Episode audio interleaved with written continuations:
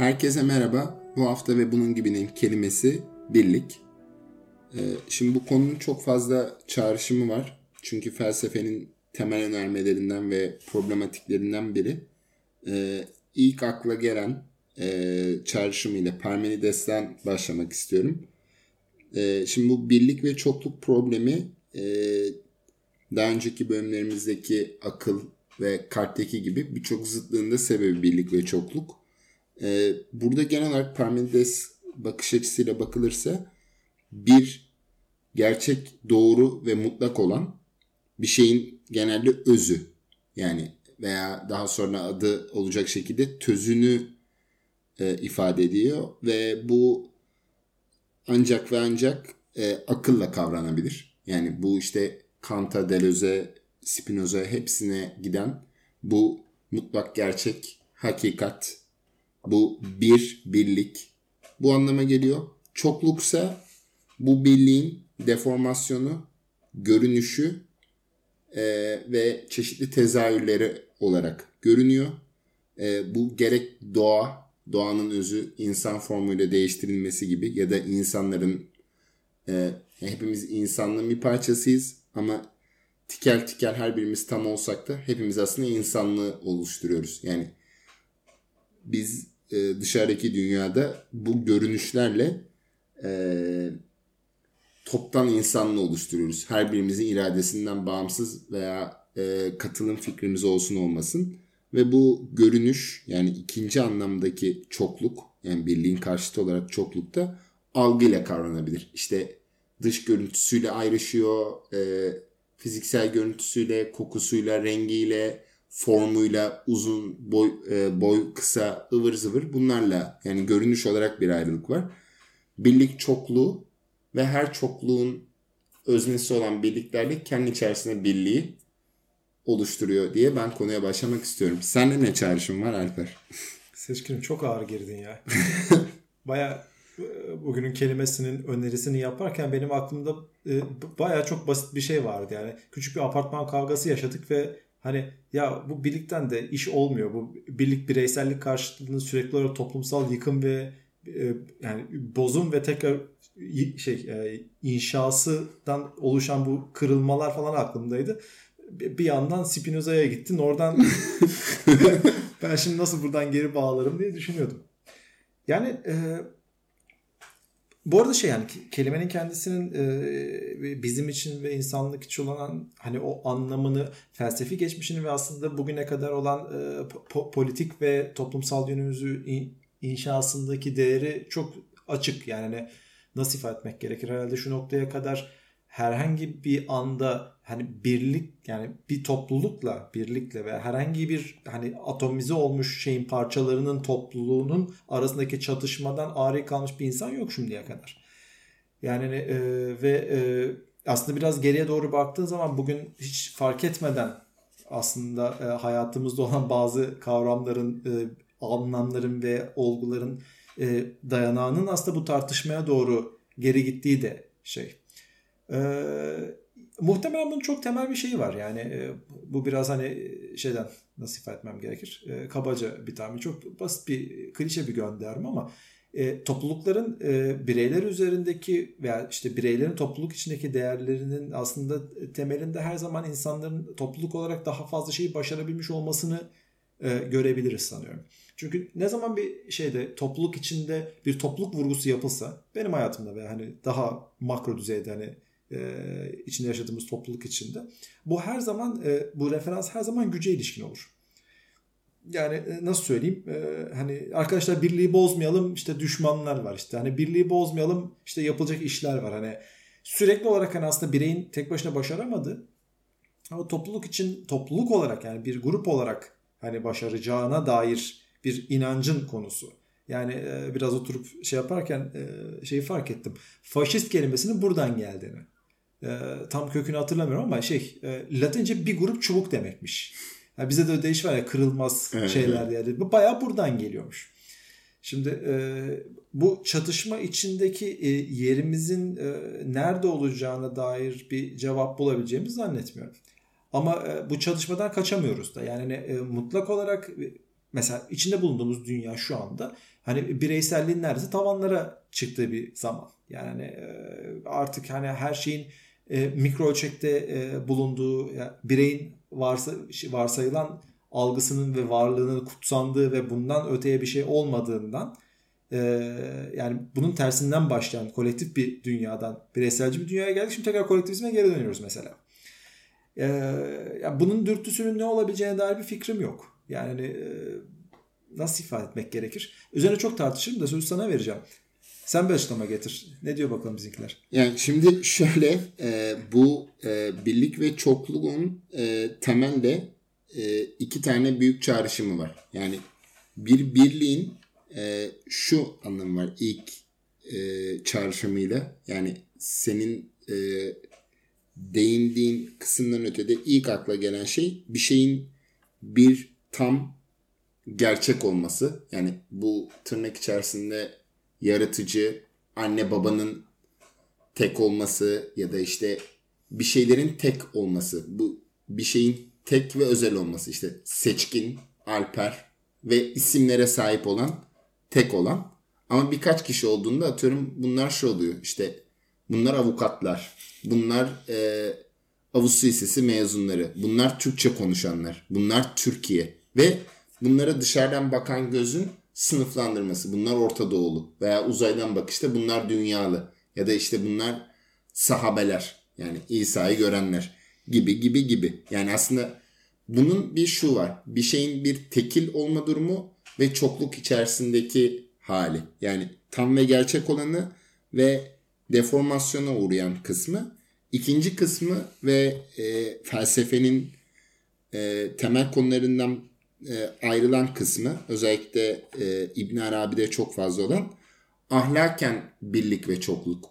E, İbn Arabi'nin terminolojisinde zaten bütün karşıtlıklar e, doğalında birbirinden ayrı düşünülemez.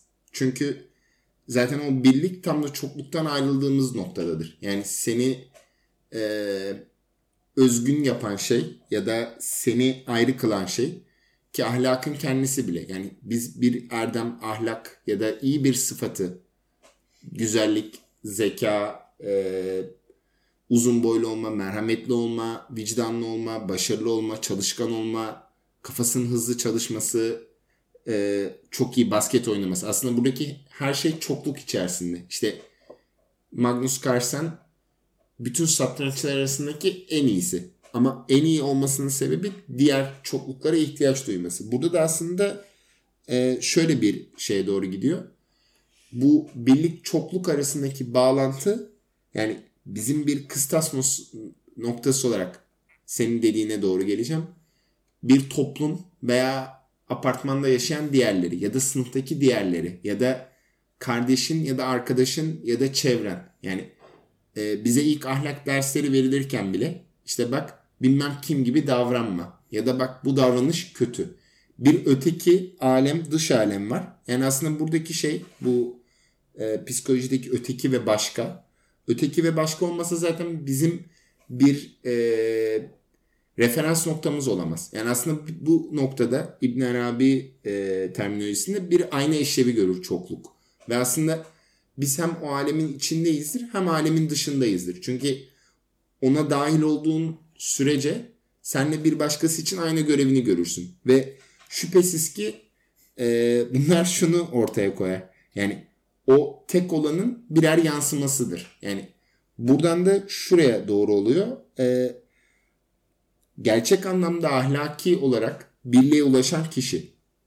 Yani buna tevhid demekte e, fayda var.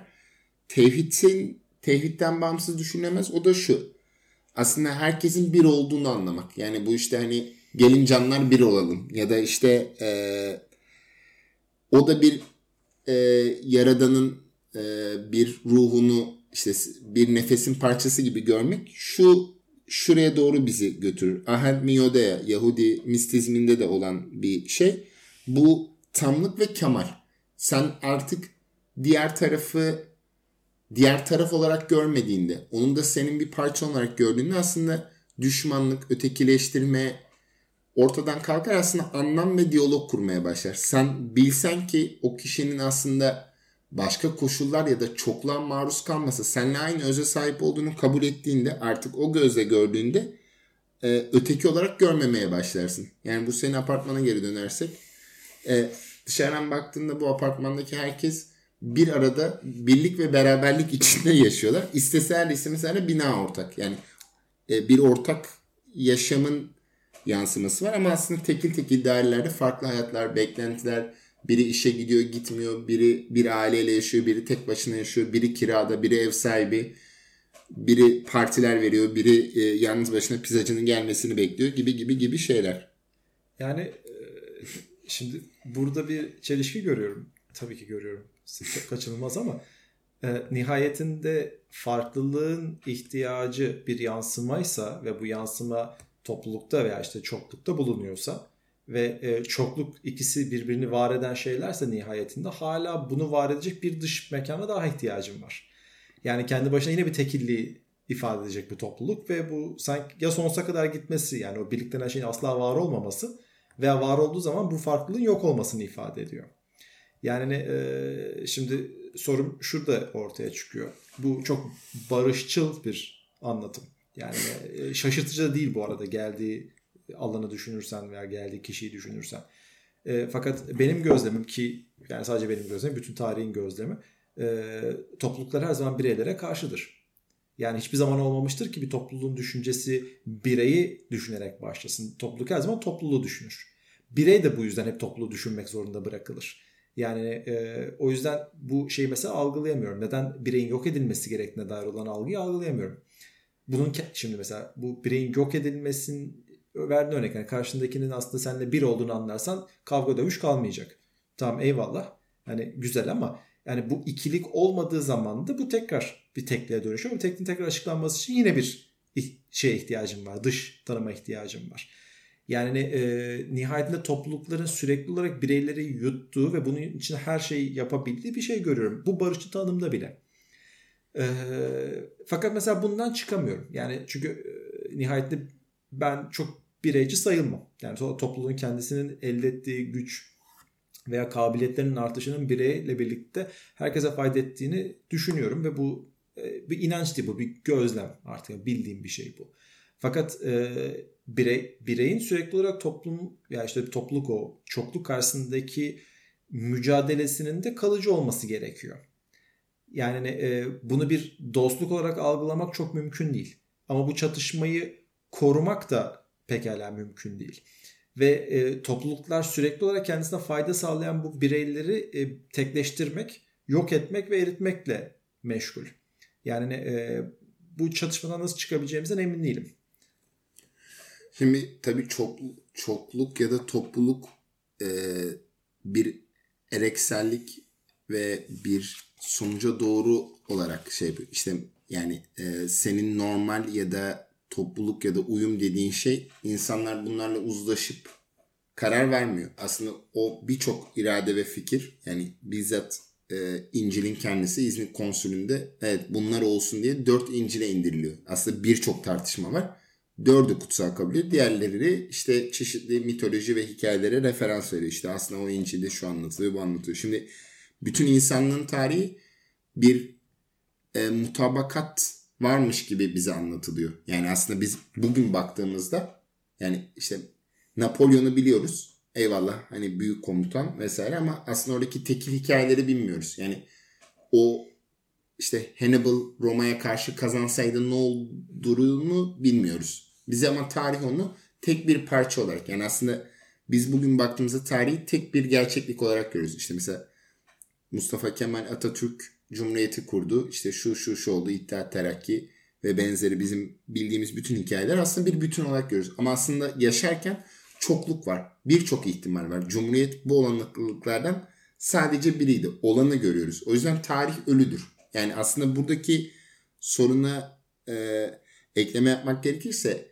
aslında birlik ilk anlamıyla bir mutlak olan olsa da aslında Deleuze anlamda birlik içinde bir kaosu ve çokluğu barındıran bir poten oluşu harekete geçirir. Yani aslında birlik Yeknesak, Alper Yeknesak bir Alper Atmaca olarak yer almıyor. Yani aslında tüm o toplumsallığı benle arkadaşlığın, avukat kimliğin, mezun olduğun okul, hobilerin, bisik, bun, bütün bisiklet daha bütün bunlarla beraber bir Alper var. Yani aslında o çokluğun dışında azade bir düşünce dünyan yok. Ama bu kaçınılmaz. Bu birlik ve bireysellik ya yani toplum bireysel çatışması değil. Bir top, bireyin zaten toplumdan şekillenmesi hiçbir şey. Bu ilişki zaten reddedilecek bir konumda değil. Evet. Ya bu kaçınılmaz zaten. Bana böyle bir tercih hakkı verilmedi yani. Hani Hiçbirimize verilmedi. Tabii, Alper Bey yani istiyorsanız bu tarafta yaşayabilirsiniz ve bizi bir daha görmezsiniz demedi kimse. Ama e, yani aslında tartışmaya çalıştığım şey veya hani bu konuyla ilgili ya, muhtemelen bu konuyu bitiremeyeceğiz ama e, en temel şeylerden bir tanesi e, bu çizginin yani mesela bu dengenin bunu bir eğri olarak algılarsak şöyle bir tayf olarak algılarsak bu dengenin aslında nerede eşitliğe ulaştığına dair. Çünkü bana kalırsa şu andaki bugünkü yani modern toplumsal referanslarımızda herkesin istediği şey aslında Borg seviyesinde bir birlik. Yani e, şimdi bilmeyenler için ifade etmek gerekir. Borglar bir Star Trek şeyi hani ne denir? Düşmanı mı denir artık bu anlamda? Ee, Yabancısı, ötekisi. Şey, bir şeyi. Bunlar bir grup aslında bir zamanlar canlılar hani insanlar başkaları da var ama bir makine gibi birlikte düşünüp birlikte hareket ediyorlar. Biz Borguz diye konuşuyorlar. Kimse ben diye konuşmuyor. Ve bu şekilde hareket ediyor. Fakat hani mesela şey bunu imge olarak en çok yansıması sebebi şurada. Orada gösterilen şey bir muhteşem bir şey. Verimlilik. E, verimlilik ve hareket kabiliyeti ve hani hiç tartışma yok. Her şey anında hareket ediyor ve en optimal şekilde yapılabiliyor. Tamam çok güzel. Fakat orada mesela bir hayat görmüyorsun. Şimdi bireyselciliği övmeyeceğim. Bu sefer mesela federasyona dönersin buradan. Yani hani hiçbir şeyin yapılamadığı falan. Bir şey böyle kaos ve şey yani tartışma durumu.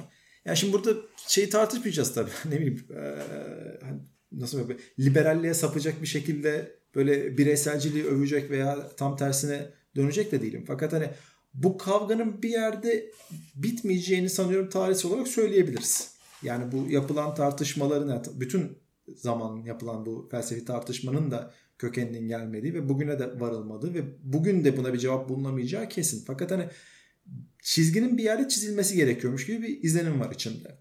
Yani çünkü bu hat belli olmadığı sürece bütün topluluk çağrılar yani birlik çağrılarının tamamı aslında e, ya belki burada şey yanılgısına düşüyor olabilirim. Yani pek çok insan düştüğü gibi. Yani bunda çizgi çizmek yok. Yani birlikteliğin veya birlikten doğan gücü sürekli olarak kötü görmek gibi bir eğilimim var benim. Bu bana öğretilmiş bir şey muhtemelen. Yani bu konu üzerine. Çünkü bunun tersine de gözlemlerim olmasına rağmen hala topluluklarla ilgili böyle bir şeyim var. Yani içinde bulunmaktan hoşlanıyorsun. Eylemlerin veya işte Borg misali şeyinden hani etkinliğinden memnunsun bu toplulukların. Ama topluluklarla gelen o içindeki bireysel hareketin yani topluluğu var eden ve top, bireyi şekillendiren o topluluğun karşıtlığından da sürekli olarak bir rahatsız diyorsun. Bir kontrol konusu aynı zamanda bu durum. Yani e, bu çizgi çizebilir miyiz? İşte bu, Çizmeli miyiz veya belki? İşte bu çizgi aslında biz değil tarih belirliyor. Yani aslında Napolyon ya da tarihe geçmiş insanlar ya da Newton ya da Einstein yani Einstein ya ben bir şey yapacağım ve dünya tarihine geçeceğim demiyor. Aslında sadece kendi istediklerinin peşinden koştuğu için tarih onu bir şeyleri bulan kişi olarak ya da Nobel ödülü gibi bu işte daha önceki konuşmalarımızda da verdiğimiz e, Terminator'daki o bölüm işte hani bu atom bombasını bulan 10 kişi öldürsem ne olurdu? Diğer 10 kişi gelirdi. Aslında burada tarihteki öznenin e, veya kişilerin rolü var mı yok mu? Mesela Stalin diye bir başkası olsaydı Sovyetler devam eder miydi? Veya Churchill e, aklı selim biri olmasaydı ne olurdu? Ya da e, en klasik örnek her zaman seninle konuştuğumuz gibi bu soğuk savaştaki yani o toplumun seçtiği liderlerden bağımsız değil. Yani bugün de daha e, bu sıralarda bunu çekmiş sırada Rusya-Ukrayna krizi. Yani o kişiler başkaları olsa belki kriz oraya tırmanmayacaktı.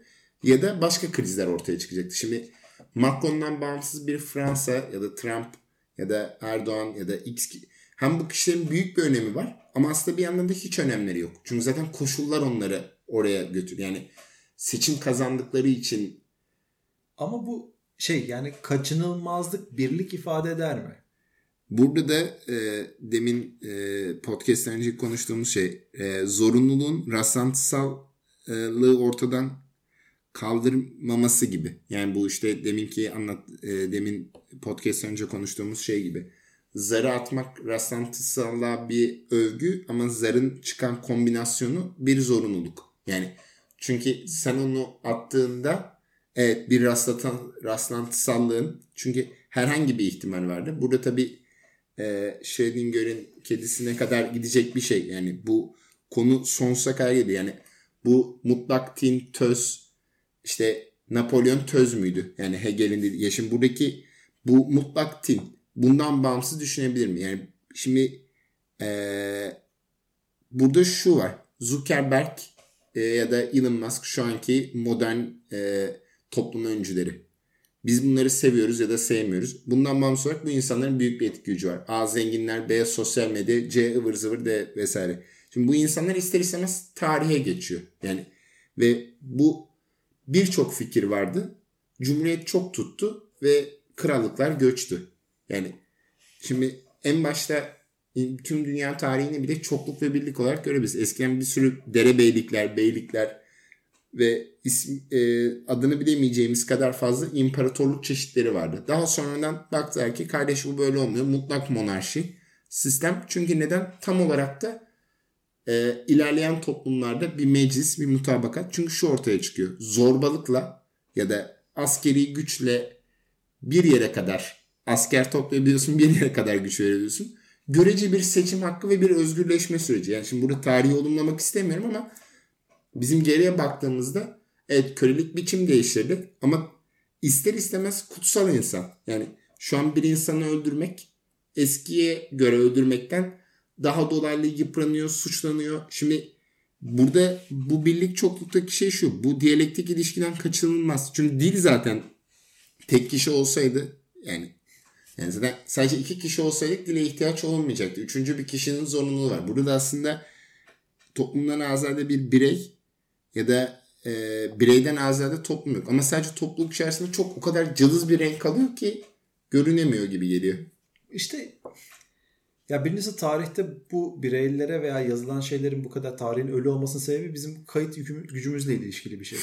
Yani bugün yazılan tarihin o kadar ölü olacağını zannetmiyorum bundan 100 sene sonra şayet okunabilecek durumda olursa. Yani artık daha fazla şeyi kaydedebilir. O bütün şeyler hani unutulan insanlar da oraya girebilecek.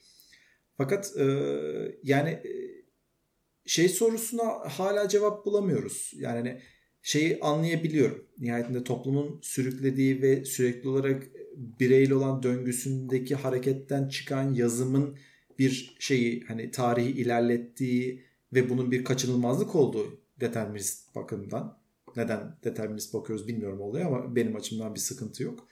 Fakat şey yani bu gücün kendisi nasıl ifade etmem gerekir? Mesela e, kafamdaki birkaç tane şeyden bir tanesi. Ee, Uluslararası Uzay İstasyonu'nun ilk modülünün adı Birlik. Çünkü 6 tane bağlantısı olan bir tane Lego parçası aslında. Biz buna bir şey takarız diye. Sonra ucuna bir şeyler takıyoruz.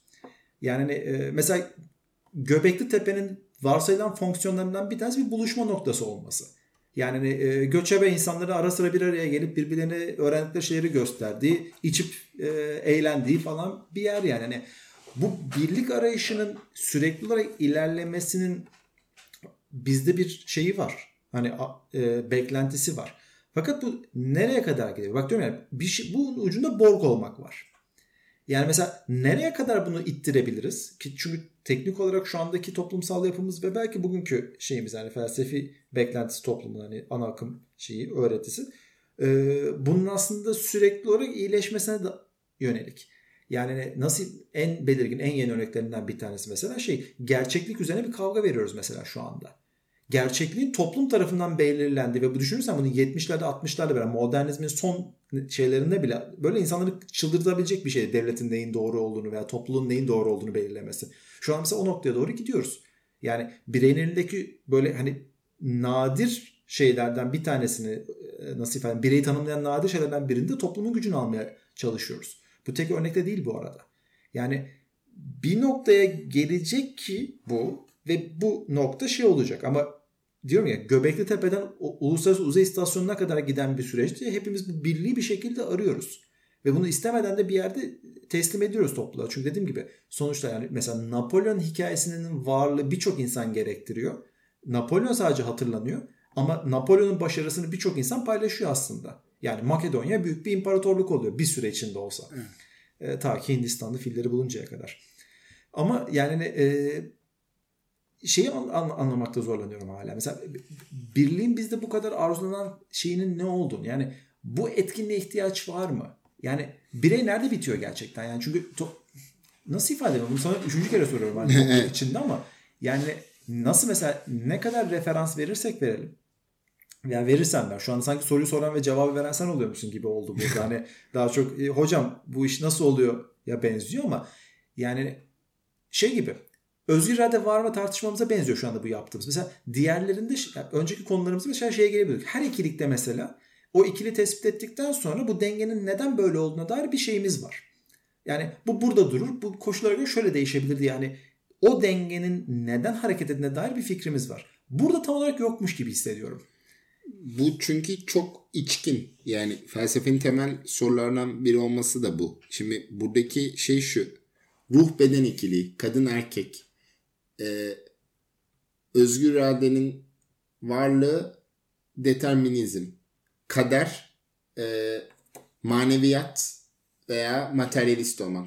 E, bir ruha inanmak veya e, fullden materyalist olmak. Aslında buradaki bu kavrayış tam da Spinoza, Spinoza'nın ruh bedeni tek görmesi gibi. Aslında zaten buradaki şey şu. Biz bu ikiliklerin karşıtlıkların işte mesela atıyorum e, e, 1960'daki askeri müdahale darbedir. Öyleyse kötüdür. E, bilmem kim halk tarafından seçilmiştir. Öyleyse iyidir. Şimdi aslında bu tip e, tanımların bile tarihin içerisinde şekillendiği bugünden bakıldığında farklı görüldüğü yani şimdi çok eski mesela Hammurabi Hammurabi iyi bir kral mıydı kötü bir kral mıydı bilmiyoruz ama yazılı olarak ilk yasaları çıkartacak kadar öngörülü bir adam. Yani önceden en azından ona kadarki süreçte neydi? Kafasına göre esiyordu. Adam dedi ki kardeş dur şunu bir yazalım şunlar şunlar mutlak olsun. Şimdi burada da aslında biraz şöyle bir şey var. Devletler bazında da en başta birçok derebeylik ve kendilerine has yapıları varken yavaş yavaş devlet formu en üst form oldu ve devlete doğru evrildi. Yani şu an dünyanın en alakasız devlet yapılanmasına bile bir bürokrasi, bir dışişleri bakanlığı, bir Birleşmiş Milletler aslında en başta tekil tekildi. Be- benim işte Moğolları düşün. Moğollar ne yapıyordu? Tık tık tık geliyor.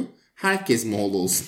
herkes birlik olsun. Herkes Bork olsun gibi bir irade hareket ederken artık belli bir süreden sonra sınırlar ve e, belli bir noktadan sonra aslında o tekil tekil büyümeler birliklere doğru gitti. Amerikan Birleşik Devletleri, işte Birleşmiş Milletler, Avrupa Birliği. Bunu çok iyi anlıyorum ama mesela birleştirebilecek şeylerin şu andaki bildiğimiz evrende bir sınırı var. Evet. Yani e, şimdi yine harabiye dönersen şayet varsayıyorum ki dünyadaki bütün insanlık Borgvari bir noktaya geldi. Şimdi burada birey tamamen yok ettik ve bir şeye hani tek bir tekilliğe, e, birlikteliğe, birliğe vardık. Bu durumda bu birliği tanımlayacak olan diğer antitezi de yok etmiş oluyorsun. Evet. Ama hani e, herhangi bir şeyde hani e, diyalektik düşüncede bunun imkansız olması gerekiyor. Yani hani, e, ve bunun şeyini de tam olarak anlayamıyorum. Yani mesela her e, diyalektik çatışma sonuçta bir sentez üretmek adına bir ve sentezin kendisi. Burada bir sentez yokmuş gibi geliyor bana. Yani hani bu sanki şey hani böyle hani evrenin donmasıyla aynı şey gibi geliyor. Bütün enerji bitti, ıh, donduk, kaldık. Yani hani bu noktadan sonra mesela ne üretilebilir, ne var olabilir, ne yaratılabilir? Yani mesela Borg'ları tanıyoruz. Mesela ben diziye hep Borg'a referans vermek istiyorum. Çünkü Borg'ları tanıyoruz çünkü bireysel olmayan başka biriyle, başka bir toplulukla, başka bir şeyle karşılaşıyor. Ve onunla etkileşime geçiyor. Tamam, güzel. Ama Borg'lar mesela etrafta kimse yokken ne yapıyor? Yani anlatabiliyor muyum? Kendi Evet. fonksiyonlarını yerine getirirsin. Hani yaşamı sürdürürsün, işte vidayı sıkarsın falan ama ne yaparsın başka? Şimdi söylemek istediğim şey burada. Hani o noktaya o tekliğe vardığı zaman ki bu çok övünülecek bir şeymiş. Yani önündeki bütün o düşünürlerin hepsi aslında birliği birlikleri iyi bir şey olarak algılıyor. Ta ki hani modern zamanlardaki düşüncemizin hani bireyselliğin kapitalizmle birlikte yükselişine kadar bir böyle bir düşünce var. Hep birlik birlik birlik falan diye. Yani hani, ama işte o birliğin varıldığın noktada bir şey kalmıyor. Yani e, bu, bu noktanın neden bu kadar arzulanabildiğini anlayamıyorum ben. Çünkü bir sentez yok. Yani bu son sentez zaten. Yani sentez olmadı. Bitti. O kadar. Şimdi e, sözlerimi bitirirken şunu söylemek istiyorum. Bu birliğe e, olumlu niye olumlu bir şey atfetmemizin sebebi şöyle bir şey var. Bu e, en basit ahlaki önermelerden en kompleks önermelere kadar mesela söz eylem birliği. Basit bir ilişkimizde bir ilişkide dostluk, sevgililik ve şeyde verdiğin sözü tutma ve eylemin bununla örtüşmesi. Yani birlik aslında bir şeyin tam olma hali ya. Yani aslında bir noktada bundan e, münezzih bir kafamızda birlik tanımı yok. Yani birlik bir şeyin evlilik birliği. Milletçe birlik ve beraberliğe ihtiyacımızın olduğu birlik sloganları. İşte kurtuluş yok tek başına. Hep, ya hep beraber ya hiçbirimiz. Yani aslında bütün sol sağ bütün ideoloji. Çünkü tek kişinin aslında ilk bir senin başlattığın noktaya geri dönersek aslında tek kişinin gücünün sınırı ve dünyanın en zeki, en yakışıklı, en sportif adamı da olsan ne yaparsan elinde nükleer füze de olsa tek başına olduğun için bir çokluk gelecek ve seni yenecek. Ne kadar akıllı olursan ol ve emrinde milyonlarca robot da olursa olsun bir an uyuyacaksın. Nükleer silahın varsa bu dediğin değişebilir ama en az iki tane gerekiyor. Biri Ama işte kanıtlamak nükleer için, silahı biri kanıtlamak için, diğeri o kanıtı kullanmak peki için ama. nükleer silahı kullanacak teknikerler onlar da mı robot? Ya abi düğmesini çekiyorsun patlıyor. Neyse bir sonraki kelimemizin güç olacağı anlaşıldı gibi sanıyorum bu Evet. noktada. Ee, çok keyifli bir konuydu. Hani birçok konuya değinmeye çalıştık. Ee, umarım yeterince üzerine durmuşuzdur. Bizi dinlediğiniz için teşekkürler. Dikkat kalın dostlar.